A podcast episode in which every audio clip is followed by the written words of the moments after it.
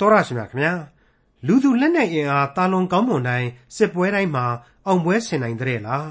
ခွန်အားဗလာကြီးမားတိုင်းလဲသူတစ်ပါးအပေါ်မှာအနိုင်ရတာကြီးပဲလားခွန်အားကြီးတိုင်းကယ်ဆယ်နိုင်တဲ့လားအပြေးမြန်တိုင်းလဲမှီတဲ့လားအပြေးမြန်တိုင်းဖတ်မမိပဲလွတ်တဲ့လားလူအင်အားလက်နဲ့အင်အားနှဲပါပြီမဲ့လို့နိုင်ငံဘူးတဲ့စစ်ပွဲတွေခွန်အားမရှိပေမဲ့လို့ခုခံတွန်းလှန်နိုင်ခဲ့ကြတဲ့တာရကတွေအပြေးမြန်ပေမဲ့လို့ မလွတ်ဖဲဖြစ်ခဲ့ရတာတွေအများအပြားရှိကြပါတယ်။ဘာကြောင့်ဒီလိုဖြစ်ရပါသလဲ။သေကိုသေရမဲ့ဘေးဒုက္ခမျိုးကိုရင်ဆိုင်ကြုံတွေ့ခဲ့ရပေမဲ့အသက်ရှင်ကြံ့ရက်ခဲ့တာတွေကိုလည်းမျက်ဝါးထင်ထင်မမြင်ဘူးတောင်မှကြားဘူးကြမှာပါ။ကံကောင်းလို့များလား။အဲ့ဒီအချင်းအရာတွေရဲ့အဖြေအတိအကျကိုသိရမှာဖြစ်တဲ့ခရိယန်တမန်ကျမ်းဓမ္မဟောင်းကျမ်းမိုင်းတွေက33ခုမြောက်သောဆာလံကျမ်းနဲ့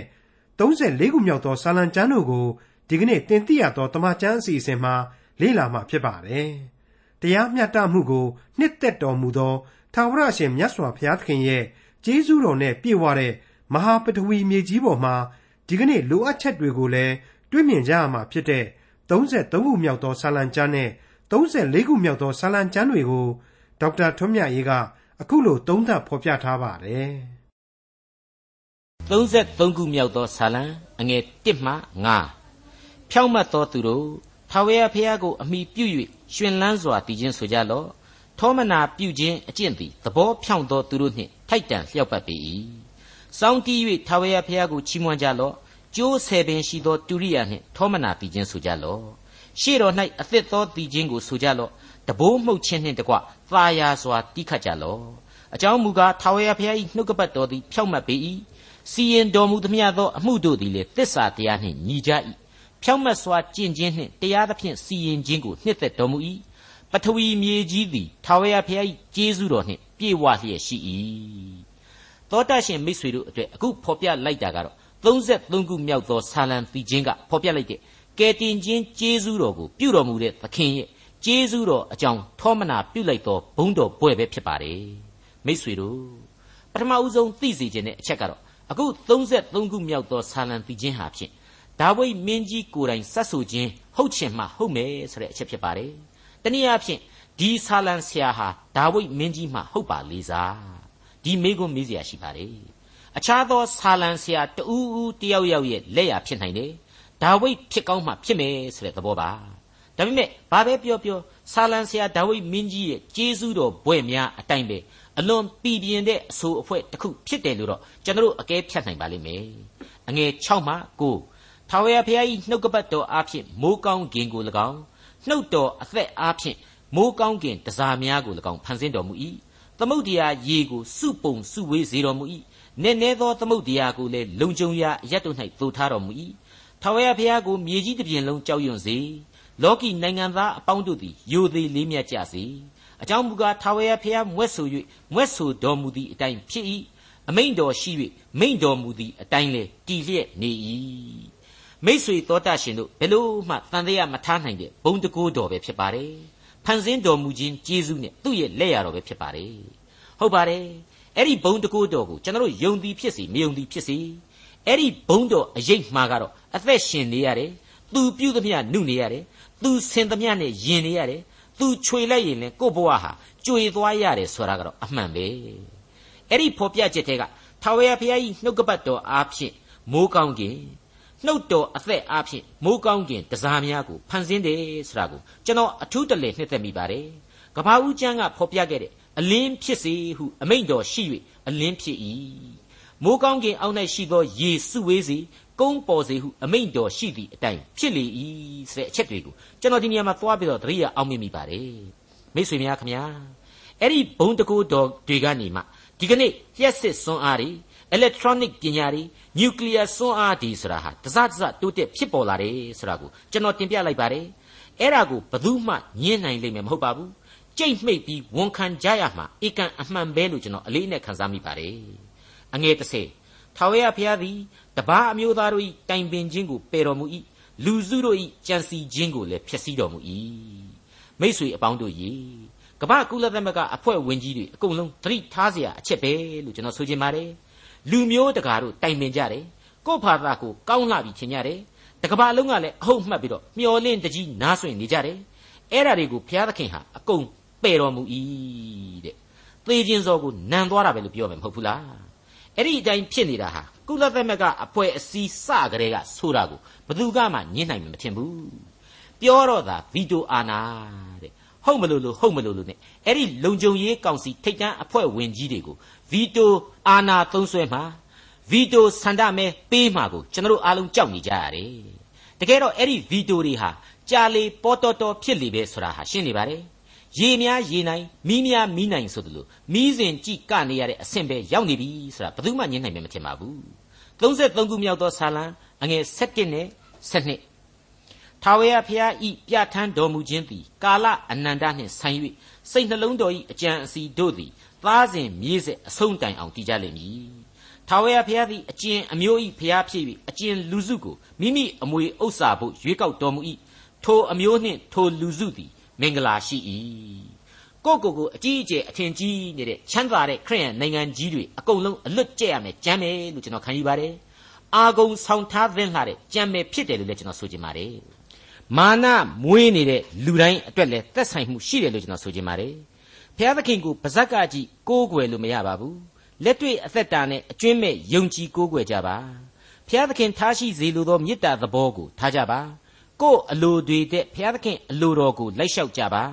အဲ့ဒီလိုသာဆိုရင်တော့ထာဝရဘုရားသည်အကျင့်အမျိုးဤဘုရားဖြစ်၍အကျင့်လူစုကိုမိမိအမွေဥစ္စာဖို့ရွေးကောက်တော်မူ၏ထိုအမျိုးနှင့်ထိုလူစုသည်မင်္ဂလာရှိ၏ဆရာဟာ သစ္စာအမှန်ဖြစ်လာပါလိမ့်မယ်အငယ်73မှ15ထာဝရဘုရားသည်ကောင်းကင်ဘုံကကြည့်ရှု၍လူသားအပေါင်းတို့ကိုမြင်တော်မူ၏ကျင်းဝတ်တော်မူရာအရက်ကကြည့်ရှု၍မြေကြီးပေါ်မှနေသောတတ္တဝါအပေါင်းတို့ကိုမှတ်တော်မူ၏သူတို့၏စိတ်နှလုံးရှိသမျှတို့ကိုဖန်ဆင်း၍သူတို့ကျင့်သမျှသောအကျင့်တို့ကိုလည်းဆင်ခြင်တော်မူ၏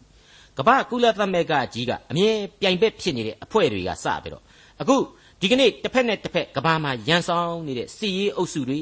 စီးပွားရေးအုပ်စုတွေအကုန်လုံးသတိထားရမယ့်အချက်ကြီးပါပဲမင်းတို့ကြိုက်တယ်လို့လောက်ကြကြံ့ညဖန်ညဘာပဲပြောပြောအကုန်လုံးငါမသိတာတော့မရှိဘူးအကုန်သိတာကြီးပဲတဲ့အဲ့ဒီအထဲမှာမှအလွန်ကြောက်စရာအချက်ကတော့မင်းတို့အကျင့်တွေကိုငါဆင်ကျင်တယ်တဲ့ဘလောက်ကောင်းတယ်လေ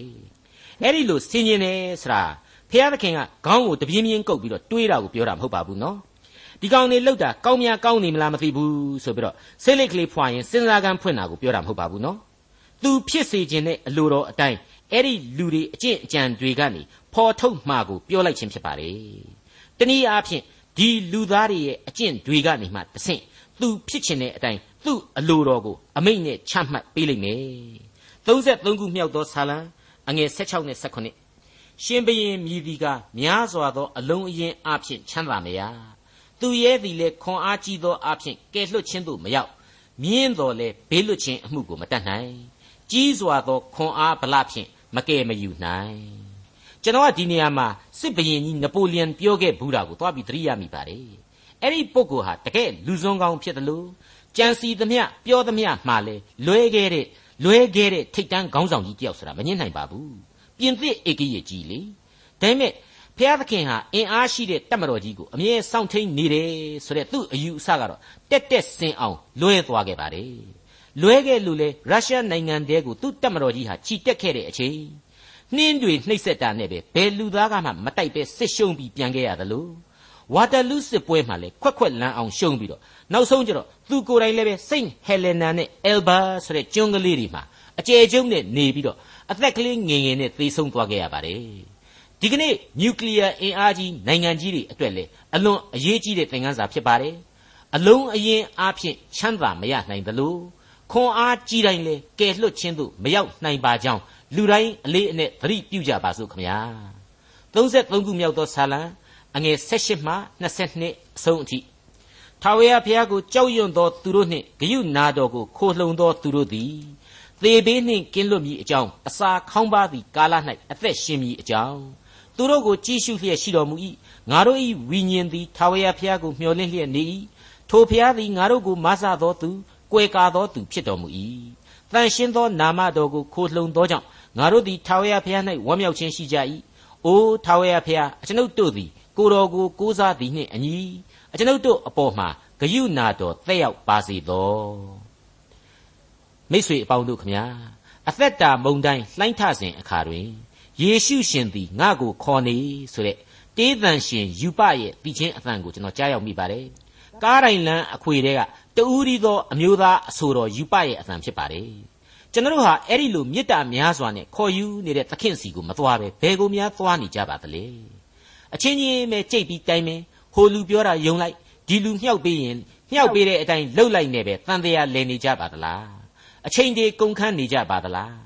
ကျွန်တော်ကပေရှေမှာဆိုလို့များများဆားဆားအကြံမပေးလိုပါဘူးအခုဆာလံတီချင်းကိုပဲစိတ်စိတ်ဖတ်ရှုရင်းနဲ့ဆူတောင်းခွန်အားယူဘုရားသခင်ပေးထားတဲ့အကြံဉာဏ်ကိုသာအသုံးချပြီးမုံတိုင်းဝဲဩဃတို့ကိုငြိမ့်သက်နိုင်ကြပါစေလို့အကြံပေးလိုက်ပါရစေအငယ်20မှ22ကိုပြန်ပြီးတော့နားဆင်ကြည့်ကြပါငါတို့ဤဝိညာဉ်သည်ထာဝရဘုရားကိုမျှော်လင့်လျက်နေ၏ထိုဘုရားသည်ငါတို့ကိုမဆသောသူကွယ်ကာသောသူဖြစ်တော်မူ၏ တန်ရှင်းသောနာမတော်ကိုခိုးလှုံသောကြောင့်ငါတို့သည်ထာဝရဘုရား၌ဝမ်းမြောက်ခြင်းရှိကြ၏အိုးထာဝရဘုရားအကျွန်ုပ်တို့သည်ကိုတော်ကိုကိုးစားသည်နှင့်အညီအကျွန်ုပ်တို့အပေါ်မှာဂယုနာတော်သက်ရောက်ပါစေသောမိษွေတော်တတ်ရှင်အပေါင်းတို့အခုကျွန်တော်တို့34ခုမြောက်သောဆာလံကိုဆက်လက်လေ့လာသွားဖို့ရှိပါတယ်ဒီဆာလံတည်ခြင်းရဲ့အစဖော်ပြချက်ကတော့ဒါဝိဒ်သည်အဘိမလက်မင်းရှိမှထူးခြားသောအချင်းအရာကိုပြုသဖြင့် နှင်ထုတ်ခြင်းကိုခံရ၍ထွက်သွားသောအခါဆက်ဆူသောဆာလံလို့ဖော်ပြထားပါတယ်အငယ်1မှ3ကိုစတင်နားဆင်ကြည့်ကြပါငါသည်ခတ်သိမ်းသောကာလတို့၌ထာဝရဘုရားကိုကောင်းကြီးပေးမည်ဂုံကျေးဇူးတော်ကိုအစင်မပြတ်မွဲ့ဆိုမည်ငါဝိညာဉ်သည်ထာဝရဘုရားကိုအမိပြု၍ဝါကြွားခြင်းကိုပြုမည်နှိမ်ချလျက်ရှိသောသူတို့သည်ကြားသိ၍ဝမ်းမြောက်ကြပါစေသောငါနှင့်အတူထာဝရဘုရားကိုချီးမွမ်းကြလော့နာမတော်ကိုတညီတညွတ်ထီချီးမြှောက်ကြကုန်အံ့ ဒီအချက်တွေကိုစတင်နားဆင်ရခြင်းအပြင်34ခုမြောက်သောဆာလံဟာဘေးရန်အပေါင်းမှကဲနှုတ်ချင်းခံရသောကြောင့်ဘုရားသခင်ရဲ့ကျေးဇူးဂုဏ်တော်ကိုချီးမွမ်းသောဆာလံဖြစ်တယ်လို့ကျွန်တော်တို့ဆိုနိုင်ပါတယ်ဒီအပိုင်းမှာဒါဝိဒ်ရဲ့အဘိမလက်မင်းရှိမှထူးခြားသောအချင်းအရာကိုပြုသဖြင့်နှင်ထုတ်ခြင်းကိုခံရ၍ထွက်သွားသောအခါဆက်ဆူသောဆာလံဆိုတဲ့ခေါင်းစဉ်ဖော်ပြချက်နဲ့ပတ်သက်ပြီးတော့ကျွန်တော်တို့ဖြည့်ဆွက်ဖော်ပြကျင်တာကတော့အဲ့ဒီလိုခေါင်းစည်းတက်ပြီးဖော်ပြချက်အဖြစ် နှုတ်ကပတ်တော်ရဲ့စီးလုံးညီညွတ်မှုခိုင်ခံ့မှုတို့ကိုပုံမိုပြီးတော့ဒီခေါင်းစဉ်ဟာမှန်ကန်ကြောင်းတက်သိပြခဲ့တယ်ဆိုတဲ့အချက်ပါပဲတခြားမဟုတ်ပါဘူးအဘိမလက်မင်းဆိုတာဟာဘယ်မှာလဲအဟိမလက်ဆိုတာကိုတော့တွေ့ရတယ်အဘိမလက်ဆိုတာရှိလဲမရှိခဲ့ပဲနဲ့ဒီဆာလံဟာယုတ်တိယုတ်တာမရှိပဲပါဝင်လာရတယ်ဆိုတဲ့အယူအဆတွေနဲ့ပတ်သက်လို့ဖြစ်ပါတယ်တကယ်တော့အလွန်ကောင်းမွန်တဲ့နောက်ကျောင်းသမိုင်းခိုင်ခန့်တဲ့အတိတ်သမိုင်းကျောင်းဟာဓမ္မရာဇဝင်ထဲမှာရှိနေတယ်လို့ကျွန်တော်ပြောချင်ပါတယ် ဟုတ်ပါတယ်ဓမ္မရာဇဝင်ပထမစာဆောင်အခန်းကြီး21အငယ်30ကနေအဆုံးအထိပြီးတော့အခန်းကြီး22ရဲ့အစအငယ်1နဲ့2တို့ကိုဖတ်ရှုပြပါရစေထိုနေ့၌ဒါဝိဒ်သည်ရှောလူကိုကြောက်သောကြောင့်ထ၍ဂါသမင်းကြီးအာခိတ်ထံသို့ပြေးသွား၏အာခိတ်မင်း၏ကျွန်တို့ကဤဒါဝိဒ်သည်ဣသရေလရှင်ဘရင်ဖြစ်သည်မဟုတ်လော ရှောလူအထောင်တောင်ဒါဝိဒ်အသောင်းသောင်းတက်လေစွာတကားဟုဤသူရှိမှအလှဲ့လှဲ့ကလျက်ပြီးချင်းဆိုကြသည်မဟုတ်လောဟုလျှောက်ကြ၏ထိုစကားကိုဒါဝိဒ်သည်မှတ်မိ၍ဂါသမင်းကြီးအာခိတ်ကိုအလွန်ကြောက်သောကြောင့်ယူသွဟန်ဆောင်၍သူတို့ရှိမှအယူကဲ့သို့ပြုလျက်တကရွက်ပေါ်မှရေးသား၍မိမိဇရွေးကိုမုတ်စိတ်တွင်ယိုစေ၏အာခိတ်မင်းကလည်းကြည်ကြလော့ဤသူသည်အယူဖြစ်၏အဘယ်ကြောင့်ငါထံသို့သွင်းကြသနည်း အယူကိုငါအသုံးလိုသည်ဟုသင်တို့သည်ထင်လျက်ငါရှိမှအယူလှုပ်စီခြင်းဟာဤသူကိုသွင်းကြသလောဤသူသည်နန်းတော်တဲသို့ဝင်ရမည်လောဟုကျွန်တို့အားဆို၏ဒါဝိဒ်သည်ထိုအရမှပြေး၍အတုလံဥမင်သို့ဘေးလွတ်လျက်ရောက်လေ၏သူ့အကိုများအဆွေအမျိုးများအပေါင်းတို့သည်ကြားလျင်သူ့ထံသို့သွားကြ၏အမှုရောက်သောသူကြွေးတင်သောသူစိတ်ညစ်သောသူအပေါင်းတို့သည်သူ့ထံမှစုဝေးကြ၍လူ400ခန့်ရှိသဖြင့် ဒါဝိဒ်သည်သူတို့ကိုအုပ်ရ၏ဒါဝိဒ်ရဲ့ဖြစ်ပုံတွေကတော့ပြောတော့မပြောကျင်တော့ဘူးလို့ဆိုရမလို့တဲ့အခြေအနေပါပဲရှောလူဘယင်ကနေနောက်ကလိုက်သတ်သူကတောင်ဘက်နေစွန်နေပြားတွေကိုထွက်ပြေးနေအင်မတန်စိတ်ညစ်စရာအခြေအနေဇိုးကြီးကိုကျွန်တော်တို့တွေ့ရပါတယ်ပြေးရင်လွှားရင်နဲ့အဲ့ဒီလိုနဲ့ဣသရေလရဲ့အရှိမြောက်ဖက်ချမ်းလို့ယူဆနိုင်တဲ့ဂါသဆိုတဲ့နေမြေကိုရောက်ရှိသွားတယ်ဂါသဘယင်အာခိတ်ကလည်းဒါဝိဒ်ကိုရန်သူလိုသဘောထားပြီးတော့ သတ်တော့မဲ့အခြေအနေဇိုးကိုရောက်သွားတယ်အဲ့ဒီအခြေအနေမို့လို့ဒါဝိဒ်ဟာသေလူမျောပါကြောက်လန့်ပြီးတော့သူ့ကိုယ်သူလမ်းပေါ်ကအယူကြီးတယောက်လိုဟန်ဆောင်အသက်ဘေးကနေမလွတ်လွတ်အောင်ရှောင်ခဲ့ရတယ်ဆိုတာကိုဒီအပိုင်းမှာတွေ့ရတဲ့အတိုင်းပါပဲဗရန်လုတ်သရုပ်တူဆိုတယ်လို့အဲ့ဒီဘယင်ရှေ့မှောက်မှာခွေခောက်ပြီးတော့အမြုပ်တီတစီစီထွက်ပြီးတော့တကယ်အယူကြီးလို့သူသရုပ်ဆောင်နိုင်လွန်းလို့သာအဲ့ဒီအာခိတ်ဘယင်ကသွားစမ်းဒီအယူကိုနှင်ထုတ်ပြလိုက်စမ်းလို့လှုပ်တဲ့အတွက်အသက်ဘေးကတီတီလေးလွတ်ခဲ့ရတယ် အဲ့ဒီအာခိတ်ဘယင်ဟာအခု34ခုမြောက်သောဆာလံနဖူးစီမှာတွေ့ရတဲ့အဘိမလက်ဘယင်ပါပဲဟုတ်ပါတယ်ယောမဘယင်တွေရဲ့ဘွဲ့ဟာစီဇာဖြစ်တယ်လို့အီဂျစ်ဘယင်တွေကိုလည်းဖာရောဆိုပြီးတော့ရောပြုံပြီးတော့ခေါ်လို့ရနိုင်ပါတယ်ဂါသနယ်မြေဘယင်တွေကိုတော့အဘိမလဲလို့ခေါ်ခဲ့တဲ့အတွက်အာခိတ်သည်အဘိမလက်ဘယင်အဘိမလက်ဟူသည်အာခိတ်သာဖြစ်တဲ့အကြောင်းတင်ပြလိုက်ပါရစေမိတ်ဆွေအပေါင်းတို့ အဲ့ဒီလိုအသက်ဘေးကနေရုပ်ပြက်ဆင်းပြက်ဟန်ဆောင်ကောင်းလွန်အားကြီးလို့သာလွတ်မြောက်လာတဲ့ဒါဝိဒ်အဖို့ငါနဲ့အတူထာဝရဘုရားကိုချီးမွမ်းကြပါလောလို့သူ့ရဲ့နောက်လိုက်တွေကိုဒီနေရာမှာတိုက်တွန်းလိုက်ပါတယ်အလွန်ကျေးဇူးသိတတ်တဲ့ဒါဝိဒ်ရဲ့ဒီကြေညာသံဟာအခုနှစ်ပေါင်း3000လောက်ရှိတဲ့အချိန်အထိကျေးဇူးတော်ကိုမထီမဲ့မြင်ပြုတတ်သောလူသားများအားလုံးတို့အတွေ့အလွန်ထင်ရှားပြတ်သားစွာတည်နေတဲ့အဆုံးအမတစ်ခုပုံသက်တည်တစ်ခုပဲဖြစ်တယ်လို့ကျွန်တော်ဆိုလိုက်ပါရစေ34ခုမြောက်သောဆာလံ အငယ်၄မှ9ငါသည်ထာဝရဘုရားကိုရှာသောအခါနားထောင်တော်မူ၏ကြောက်မဲ့ဖွယ်သောအကြောင်းအလုံးစုံတို့အထက်ကငါ့ကိုကယ်နှုတ်တော်မူ၏ထာဝရဘုရားကိုမျှော်ကြည့်ကြလော့အလင်းကိုရကြလိမ့်မည်မျက်နှာရှက်ကြောက်ခြင်းနှင့်ကင်းလွတ်ကြလိမ့်မည်ဤဆင်းရဲသောသူ၏အော်ဟစ်ခြင်းအသံကိုထာဝရဘုရားသည်နားထောင်၍ခတ်သိမ်းသောဆင်းရဲတွေကကယ်လွတ်တော်မူ၏ထာဝရဘုရားကိုကြောက်ရွံ့သောသူတို့ပတ်လည်၌ကောင်းငင်တမန်တော်တို့ကိုတတ်ချ၍ကယ်လွတ်တတ်ကြ၏ မိတ်ဆွေအပေါင်းတို့ခမညာဓမ္မဟောင်းကာလဣသရေလလူမျိုးတော်တို့အတွက်ဘုံမင်းအဖြစ်ရုတ်တရက်ပေါ်ထွက်လာတဲ့ကောင်းငင်တမန်အကြောင်းကိုမိတ်ဆွေတို့ကြားနာခဲ့ကြပြီးပါပြီဒါဟာကယ်တင်ရှင်သခင်ခရစ်တော်ရဲ့ကောင်းငင်တမန်အကြီးအကဲအဖြစ်ဆင်းသက်ခြင်းဖြစ်ရမယ်လို့ကျွန်တော်ဖော်ပြခဲ့ပါတယ်အခုဒါဝိမင်းကြီးအကြီးအကျယ်ဒုက္ခရောက်နေတဲ့အချိန်မှာကောင်းငင်တမန်တို့အဖြစ်စောင့်ရှောက်တာကိုကြားရပြန်ပါပြီဒါဟာခရစ်တော်ဥဆောင်သောကောင်းငင်တမန်များပဲဖြစ်ရလိမ့်မယ်လို့ကျွန်တော်အလေးနဲ့ခံယူပါတယ် ခမည်းတော်သားတော်တန်ရှင်းသောဝိညာဉ်တော်သုံးပါးတစုဆရာဟာကဘာဦးကျမ်းကလေးကအစဉ်ရှင်သန်လှုပ်ရှားခဲ့ပါတော့ဘုရားသခင်ဤဗရန်တော်များပဲဖြစ်တယ်ဆိုတာကိုမိษွေတို့အလေးအနက်သဘောပေါက်ခံယူစေခြင်းပါတယ်ခရစ်တော်ရဲ့ဝိညာဉ်တော်ဟာကျွန်တော်နားမလည်နိုင်သောဝိညာဏသရံအမျိုးမျိုးနဲ့တည်ရှိနိုင်ပါတယ်အကွယ်အကာလည်းပြုနိုင်ပါတယ်စောင့်ထိန်တော်မူခြင်းကျေးဇူးကိုလည်းပေးချနိုင်ပါတယ်ကျွေးမွေးပြုစုခွန်အားဖြည့်တင်းပေးနိုင်တယ်လို့လည်းအလေးအနက်ကျွန်တော်တို့ယုံကြည်ပါတယ် ကယ်တင်ရှင်သခင်ခရစ်တော်ရဲ့လူဘဝကိုခံယူပြီးနေချိန်မှာတော့ကယ်တင်ရှင်ရဲ့ကောင်းကင်တမန်အဖြစ်ခံယူတဲ့ပုံစံမျိုးကိုမတွေ့ရတော့ဘဲနဲ့အခြားသတင်းပြန်ကြားသူအဆင့်ကောင်းကင်တမန်တွေကိုသာတွေ့ရမှာဖြစ်ပါတယ်။ဘာဖြစ်လို့လဲဆိုတော့အဲ့ဒီအချိန်မှာကယ်တင်ရှင်ဟာကောင်းကင်တမန်ရဲ့အဆင့်တဲ့နှိမ့်ချပြီးတော့လူဇာတိကိုခံယူထားပြီးပြီဖြစ်လို့ပါပဲ။ဟေဘရဲဩဝါဒစာအခန်းကြီး73အငယ်9မှာငါသည်သင်ကိုမစွန့်သင်ကိုအရှင်းပြည့်၍မထားဟုဂရိတော်ရှိ၏ဆိုတဲ့အချက်နဲ့ ခရစ်တော်ရဲ့စောင့်ထိန်တော်မူခြင်းကျေးဇူးကိုဖော်ပြထားတာတွေ့နိုင်ပါတယ်။အဲ့ဒီအတိုင်းပါပဲရှင်မသက်ခရစ်ဝင်ကျမ်းရဲ့ဏိဂုံးကျမ်းပိုက်မှာငါသည်လေကကဘာကုံသည်တိုင်အောင်တင်တို့နှင့်အစင်မပြတ်ရှိသည်ဆိုတာကိုအခိုင်အမာတွေ့ရပါတယ်။အဲ့ဒီလိုကယ်တင်ရှင်ရဲ့စောင့်ထိန်တော်မူခြင်းဆိုတာဟာစောစောကကျွန်တော်ဖော်ပြခဲ့တဲ့အတိုင်းပဲပေါ့။ဘယ်လောကလူကဘာအင်အားစုအဘယ်မည်သောအင်အားစုအဘယ်မည်သောအမှုမြူနဲ့သိပ္ပံအတတ်ပညာအဖိုင်းဝိုင်းကမှမပေးစွန်းနိုင်တဲ့အကွယ်အကာဖြစ်ပါတယ်။ ဒီကယ်တင်ရှင်ဂျေဇုဟာအနန္တကာလနဲ့ဆိုင်တဲ့ထာဝရအသက်ကိုပါပြုစုပေးသောကယ်တင်ခြင်းဂျေဇုတော်ဖြစ်တဲ့အကြောင်းကိုအထူးအမှတ်ရကြပါရန်တိုက်တွန်းနှိုးဆော်လိုက်ပါရစေ34ခုမြောက်သောဆာလံအငယ်8မှ10ထာဝရဘုရားသည် ကောင်းမြတ်တော်မူသည့်အကြောင်းကိုညီးဆန်း၍သိမှတ်ကြလော့ကိုတော်ကိုခိုလှုံသောသူသည်မင်္ဂလာရှိ၏ထာဝရဘုရား၏တန်ရှင်းသူတို့ထာဝရဘုရားကိုကြောက်ရွံ့ကြလော့ကြောက်ရွံ့သောသူတို့၌ ဆင်းရဲခြင်းမရှိရာ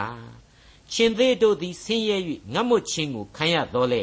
ထာဝရဘုရားကိုရှာသောသူတို့၌ကောင်းသောအရာတစ်စုံတစ်ခုမျှမလိုရာမြည်ဆန်းကြည့်ကြပါဆရာဟာဟင်းမြည်တာမျိုးကိုမဆိုလိုပါဘူးမရဲရဲနဲ့လက်ညှိုးကလေးနဲ့လှမ်းပြီးတို့တာမျိုးလည်းမဟုတ်ပါဘူး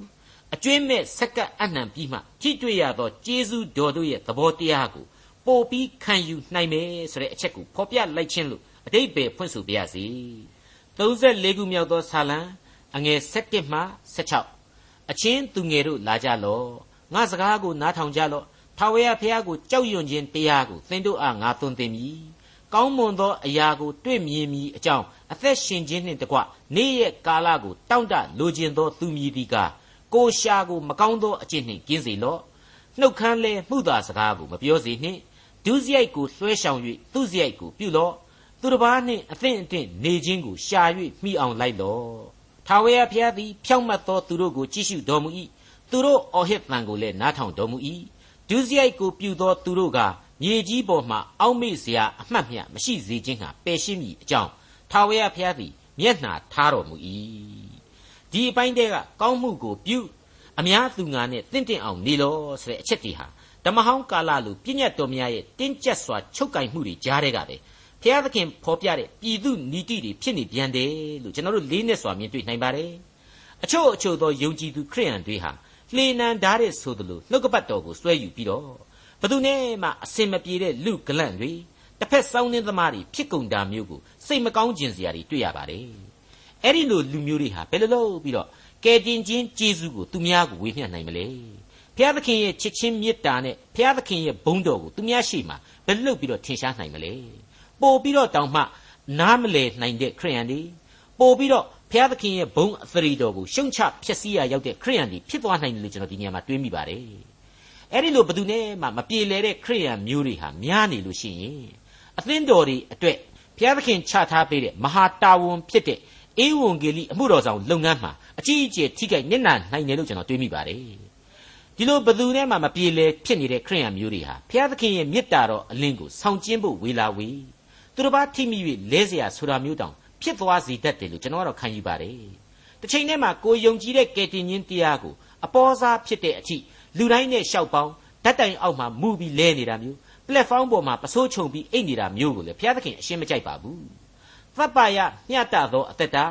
ဘုရားသခင်ရဲ့ဘုန်းတော်နဲ့နာမတော်ကိုနူးညံ့သိမ်မွေ့စွာဖြင့်ထင်ရှားစေသောအသက်တာများဖြစ်စေဖို့ကြိုးစားအားထုတ်ဖို့လိုလိမ့်မယ်လို့သင်ခန်းစာရယူသင့်ပါတယ် 34ခုမြောက်သောဆာလံအငယ်16မှ22ဖြောင့်မတ်သောသူတို့သည်အဟစ်သောအခါထာဝရဘုရားသည်နားထောင်တော်မူ၍သူတို့ကိုခတ်သိမ်းသောဆင်းရဲတဲ့ကကယ်လွတ်တော်မူ၏ထာဝရဘုရားသည်ကြိုးပဲ့သောစိတ်ရှိသောသူတို့နှင့်နှလုံးကြေကွဲသောသူတို့ကိုနိစ္စတော်မူ၏နောင်တရှိ၍စိတ်နှိမ်ချသောသူတို့ကိုလည်းကယ်တင်တော်မူ၏ဖြောင့်မတ်သောသူသည်များစွာသောဒုက္ခဆင်းရဲကိုခံရတော်လေထာဝရဘုရားသည်ခတ်သိမ်းသောဒုက္ခဆင်းရဲတွေကကယ်လွတ်တော်မူ၏ သူ၏အယိုးရှိသမျှတို့ကိုစောင့်ရှောက်တော်မူသည်ဖြစ်၍တချောင်းမျှမကြိုးမပဲ့ရမတရားသောသူမူကားဘေးဖြင့်အသက်ဆုံးခြင်းသို့ရောက်လိမ့်မည်ဖြောင့်မတ်သောသူကိုမုံသောသူတို့သည်အပြစ်စီရင်ခြင်းကိုခံရကြမည်ထာဝရဘုရားသည်မိမိကျွန်တို့၏အသက်ဝိညာဉ်ကိုရွေးနှုတ်တော်မူသည်ဖြစ်၍ကိုတော်ကိုခိုလှုံသောသူတစုံတယောက်မျှအပြစ်စီရင်ခြင်းကိုမခံရဖြောင့်မတ်သောသူရဲ့ဆုတောင်းခြင်းကိုဘုရားသခင်ဟာနားထောင်တော်မူတယ်တဲ့ဖြောင့်မတ်သောသူဟာဘာတူလဲ တကယ်တော့လောကလူရွာမှာဇာတိပဂရိသဘောအရာဖြောင့်မတ်သူပြေဝစုံလွင်သူအပြစ်ကင်းစင်သူဆိုတဲ့လူတွေရဲ့စံချိန်စံညွှန်းနဲ့ဒီလိုလူကောင်းသူကောင်းမျိုးကိုရွေးလို့ရကောင်းရနိုင်လိမ့်မယ်ဖျားသခင်ရဲ့ဝိညာဉ်ရေးအတိုင်းအတာနဲ့အဖို့ကတော့ဖျားသခင်ရဲ့ဝိညာဉ်ရေးစံချိန်စံညွှန်းအရာကတော့လောကကဘာကြီးမှာဖြောက်မတ်တော်သူဆိုတာတယောက်မှမရှိပါဘူးအခုဖော်ပြတဲ့ဖြောက်မတ်တော်သူဆိုတာဟာယုံကြည်ခြင်းရှိသောသူကိုဆိုလိုခြင်းပဲဖြစ်ပါတယ် အာဗြဟံဤယုံကြည်ခြင်းကိုဖြောက်မှတ်ခြင်းကဲ့သို့မှတ်၏ဆိုပြီးတော့ကဘာဦးကျမ်းကလေးကဖော်ပြထားခဲ့တယ်မဟုတ်ဘူးလားမှန်ပါတယ်မိတ်ဆွေကျွန်တော်တို့လူလောကမှာကိုယ့်ရဲ့ကြိုးစားအားထုတ်မှုတွေအကျင့်သီလတွေကိုစောင့်စည်းရတရားတွေစသဖြင့်နီလန်းအထွေတွေနဲ့ကျွန်တော်တို့ဟာအပြစ်ငရဲကိုရှောင်လွှဲဖို့ကြိုးစားကြင်ကြပါတယ်ဒါတွေဟာလူရဲ့မနောဓာတ်မှာကိုကပါလာပြီးသားဖြစ်တဲ့ကောင်းမှုကိုကြိုးစားရှာဖွေလိုခြင်းစိတ်ဓာတ်ဖြစ်ပါတယ် အစဉ်အဆက်သောဇာတိအမျိုးအနွယ်တို့ကိုးကွယ်လိုသောကိုကျင့်တရားလည်းဖြစ်တယ်လို့ဆိုခြင်းပါတယ်သိပ္ပံဤကြတယ်လူသဘာဝဖြစ်တယ်လို့လည်းကျွန်တော်တူးချင်းအနေနဲ့ခံယူခြင်းပါတယ်ဒါပေမဲ့အသက်ရှင်တော်မူသောဖန်ဆင်းရှင်ဘုရားသခင်ကတော့အဲ့ဒီဇာတိပဂရိအတွေးအခေါ်တွေကိုပြောင်းပြန်လှန်ပစ်ပြီးတဲ့နောက်သူ့ရဲ့ကယ်တင်ခြင်းကျေးဇူးတော်ဆိုတာဟာသူ့ကိုယုံကြည်သူများအတွက်သာဖြစ်တယ်ဆိုတာကိုဆာလံဆရာအားဖြင့်ဒီဆာလံတီချင်းမှာရှင်းလင်းစွာဖော်ပြလိုက်ပါတယ် ဖြောင့်မတ်သောသူတို့သည်အော်ဟစ်သောအခါထာဝရဘုရားသည်နားထောင်၍သူတို့ကိုခတ်သိမ်းသောဆင်းရဲတွေကကယ်လွတ်တော်မူ၏ထာဝရဘုရားသည်ကြိုးပဲ့သောစိတ်ရှိသောသူတို့နှင့်နှလုံးကြေကွဲသောသူတို့ကိုနီးတော်မူ၏နောင်တရှိ၍စိတ်နှိမ်ချသောသူတို့ကိုလည်းကယ်တင်တော်မူ၏ဖြောင့်မတ်သောသူသည်များစွာသောဒုက္ခဆင်းရဲခြင်းကိုခံရတော်လေထာဝရဘုရားသည်ခတ်သိမ်းသောဒုက္ခဆင်းရဲတွေကကယ်လွတ်တော်မူ၏သူ၏အယိုးရှိသမျှတို့ကိုစောင့်ရှောက်တော်မူသည်ဖြစ်၍ တချောင်းမျှမကြိုးမပဲ့ရမမတရားသောသူမူကားဘေးဖြင့်အသက်ဆုံးခြင်းသို့ရောက်ရမည်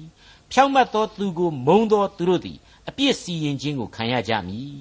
ထာဝရဘုရားသည်မိမိကျွန်တို့၏အသက်ဝိညာဉ်ကိုရွေးနှုတ်တော်မူသည်ဖြစ်၍ကိုတော်ကိုခိုလုံသောသူတစုံတစ်ယောက်မျှအပြစ်စီရင်ခြင်းကိုမခံရ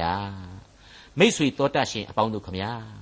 နှုတ်ကပတ်တော်ထဲမှာအလွန်အရေးကြီးတဲ့ဆာလံတီချင်းတွေကိုကျွန်တော်တို့လေ့လာနေတာဟာဒီကနေ့ဆိုရင် 34ခုမြောက်သောဆာလံတီချင်းကိုပြီးဆုံးခဲ့ပါပြီဒီဆာလံတီချင်းများရဲ့အတိတ်ပဲများကိုကျွန်တော်တို့အနေနဲ့ပြန်ဆိုရတဲ့နေရာမှာအလွန်ကြီးမားတဲ့အခက်အခဲတွေရှိနေတယ်ကျွန်တော်ရဲ့ဇာတိပဂရိခွန်အားနဲ့ရဖို့သိပ်ပြီးတော့ခက်ခဲတဲ့အတွက်ကြောင့်ဝိညာဉ်ခွန်အားကိုမနဲ့တောင်းခံပြီးတော့ဘာသာပြန်ဆိုနေရတယ်လို့ကျွန်တော်ဝန်ခံချင်ပါတယ်ဆာလံတီချင်းတွေဟာအမှန်တကယ်တော့ရွတ်ဆိုလို့ကောင်းသလောက်စိတ်ဝိညာဉ်ကိုနူးညံ့သိမ်မွေ့စေသလောက် ဒီခိုင်ကန့်တဲ့ဝိညာဉ်ရေးအ내အတိတ်ပဲတွေကိုဘာသာပြန်ဆိုရမှာတော့မလွယ်ကူလှဘူးဖျားသခင်သိစေလိုတဲ့ဝိညာဉ်ရေးအနှစ်သာရတွေကိုပြက်ပြက်သားသားဖော်ထုတ်ဖို့ရန်အင်မတန်ခက်ခဲတယ်ဆိုတာကိုကျွန်တော်ဝန်ခံချင်ပါတယ်ဒါမဲ့ဘာပဲပြောပြောအခု35ခုမြောက်သောဆာလံအထိကျွန်တော်ဟာဘုရားသခင်ရဲ့ကျေးဇူးတော်ကြောင့်မိမိတို့ရဲ့ဉာဏ်စွန်းတတ္တိတာမဟုတ်ပဲတန်ရှင်းသောဝိညာဉ်တော်လမ်းပြမှုအားဖြင့်သင်ခန်းစာတွေကို ဖြစ်ဖြစ်မြောက်မြောက်တော့တင်ဆက်ပေးနိုင်ခဲ့ပါပြီမိษွေတို့လည်းကြားနာရတာနှစ်သက်လိမ့်မယ်လို့ကျွန်တော်တွေးမိပါတယ်နှစ်သက်တယ်ဆိုတဲ့နေရာမှာလေနားထောင်ကောင်းယုံလောက်တာမဟုတ်ပဲနဲ့ဘုရားသခင်သိစေလိုတဲ့ဝိညာဉ်ရေးခွန်အားများဘုရားသခင်နားလေစေခြင်းနဲ့အသက်လန်းခရီးရဲ့နှုတ်ကပတ်တော်ဖွင့်ဆိုချက်များကိုမိษွေတို့ဟာနှလုံးသားနဲ့အရင်တီးပြီးတော့စွဲမှတ်နိုင်မှသာလျှင်ပုံမအကျိုးရှိလိမ့်မယ်လို့ကျွန်တော်တို့လေးနဲ့စွာယုံကြည်မိပါတယ် မိษွေတို့အတွက်လည်းဆက်လက်ပြီးတော့သင်ခန်းစာများကိုအကောင်းဆုံးဖြစ်အောင်တင်ဆက်သွားမယ်အကြောင်းကြိုတင်ဖော်ပြလိုပါတယ်ဆုတောင်းကြပါစို့ကောင်းကင်ဘုံ၌ရှိတော်မူ၍ကျွန်တော်တို့ကိုချစ်တော်မူသောယေရှုရှင်ဖခင်မြတ်စွာဘုရားသခင်ကိုရရှင်ဤယေရှုတော်ကြောင့်35ခုမြောက်သောဆာလံအထိကျွန်တော်သင်သိရသောတမန်ကျန်သင်ခန်းစာများကိုတင်ဆက်ပေးနိုင်ခဲ့ပါပြီရှေ့လာမည့်သင်ခန်းစာပေါင်းများစွာတို့အတွက်လေကိုရရှင်ကိုကြိုတင်၍အနှံပါ၏အသနာခံလိုပါ၏ ကိုရရှင်ကောင်းကြီးမင်္ဂလာပေးတော်မူပါသင်သိရသောတမန်ကျန်သင်ခန်းစာအဖွဲ့သားများအားလုံးတို့အပေါ်မှာတူးချင်းတို့အပေါ်မှာကိုရရှင်ကောင်းကြီးမင်္ဂလာပေး၍ကာယခွန်အားဝိညာဉ်ခွန်အားအသီးသီးနှင့်ပတ်ရတော်မူပါမိမိတို့၏အလုတ်တာဝန်များကိုကြေပြွန်စွာတစ္ဆာရှိရှိထမ်းဆောင်နိုင်သောသူများဖြစ်နိုင်ဖို့ရန်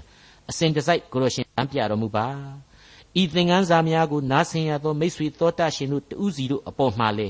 ဆာလံတီခြင်းများမှရရှိသောဝိညာဉ်ခွန်အားများဖြင့် မိမိတို့၏အသက်တာကိုအစဉ်တစိုက်ရှေ့သို့တစ္ဆာရှိစွာရှောက်လှမ်းနိုင်သောသူများဖြစ်နိုင်ပါမည်အကြောင်းကယ်တင်ရှင်သခင်ခရစ်တော်၏မဟာနာမတော်ကိုအမိပြု၍အလွန်ယိုသည်စွာဖြင့်ဆုတောင်းအသနာခံဝန်ပါသည်ဖဖျားအာမင်ဒေါက်တာထွန်းမြတ်ရေးစီစဉ်တင်ဆက်တဲ့တင်ပြရသောတမချန်းအစီအစဉ်ဖြစ်ပါတယ်နောက်ချိန်အစီအစဉ်မှာခရိယန်တမချန်းဓမ္မဟောင်းကျမ်းပိုင်းမှာပါရှိတဲ့35ခုမြောက်သောစာလံကျမ်းနဲ့ 36ခုမြောက်သောစာလံကျမ်းတို့ကိုလေ့လာမှဖြစ်တဲ့အတွက်စောင့်မျှော်နားဆင်နိုင်ပါတယ်။